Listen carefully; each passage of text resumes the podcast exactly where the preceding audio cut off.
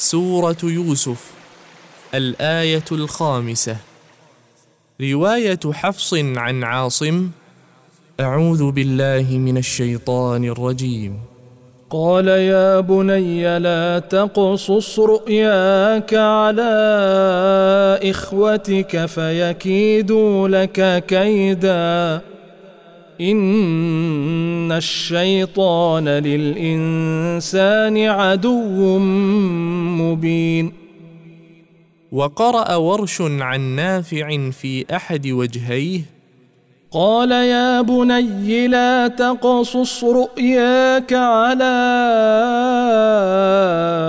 إخوتك فيكيدوا لك كيدا إن الشيطان للإنسان عدو مبين.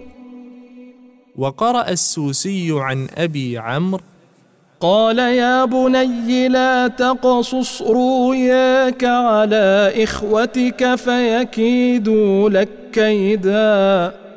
إن الشيطان للإنسان عدو مبين. وقرأ الدوري عن أبي عمرو قال يا بني لا تقصص رؤياك على إخوتك فيكيدوا لك كيدا. إن الشيطان للإنسان عدو مبين. وقرأ الدوري عن الكسائي قال يا بني لا تقصص رؤيك على إخوتك فيكيدوا لك كيدا. إن الشيطان للإنسان عدو مبين. وقرأ حمزة بخلف عن خلف قال يا بني لا تقصص رؤياك على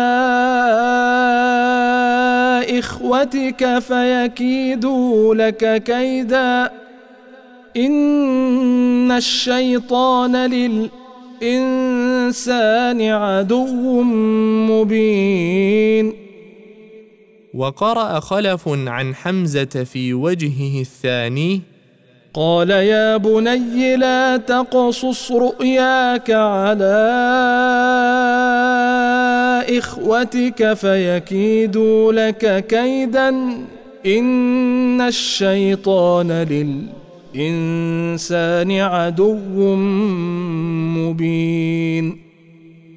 وقرأ أبو جعفر قال يا بني لا تقصص رياك على إخوتك فيكيدوا لك كيدا. إن الشيطان للإنسان عدو مبين. وقرأ قالون عن نافع في أحد وجهيه وابن كثير ويعقوب قال يا بني لا تقصص رؤياك على إخوتك فيكيدوا لك كيدا.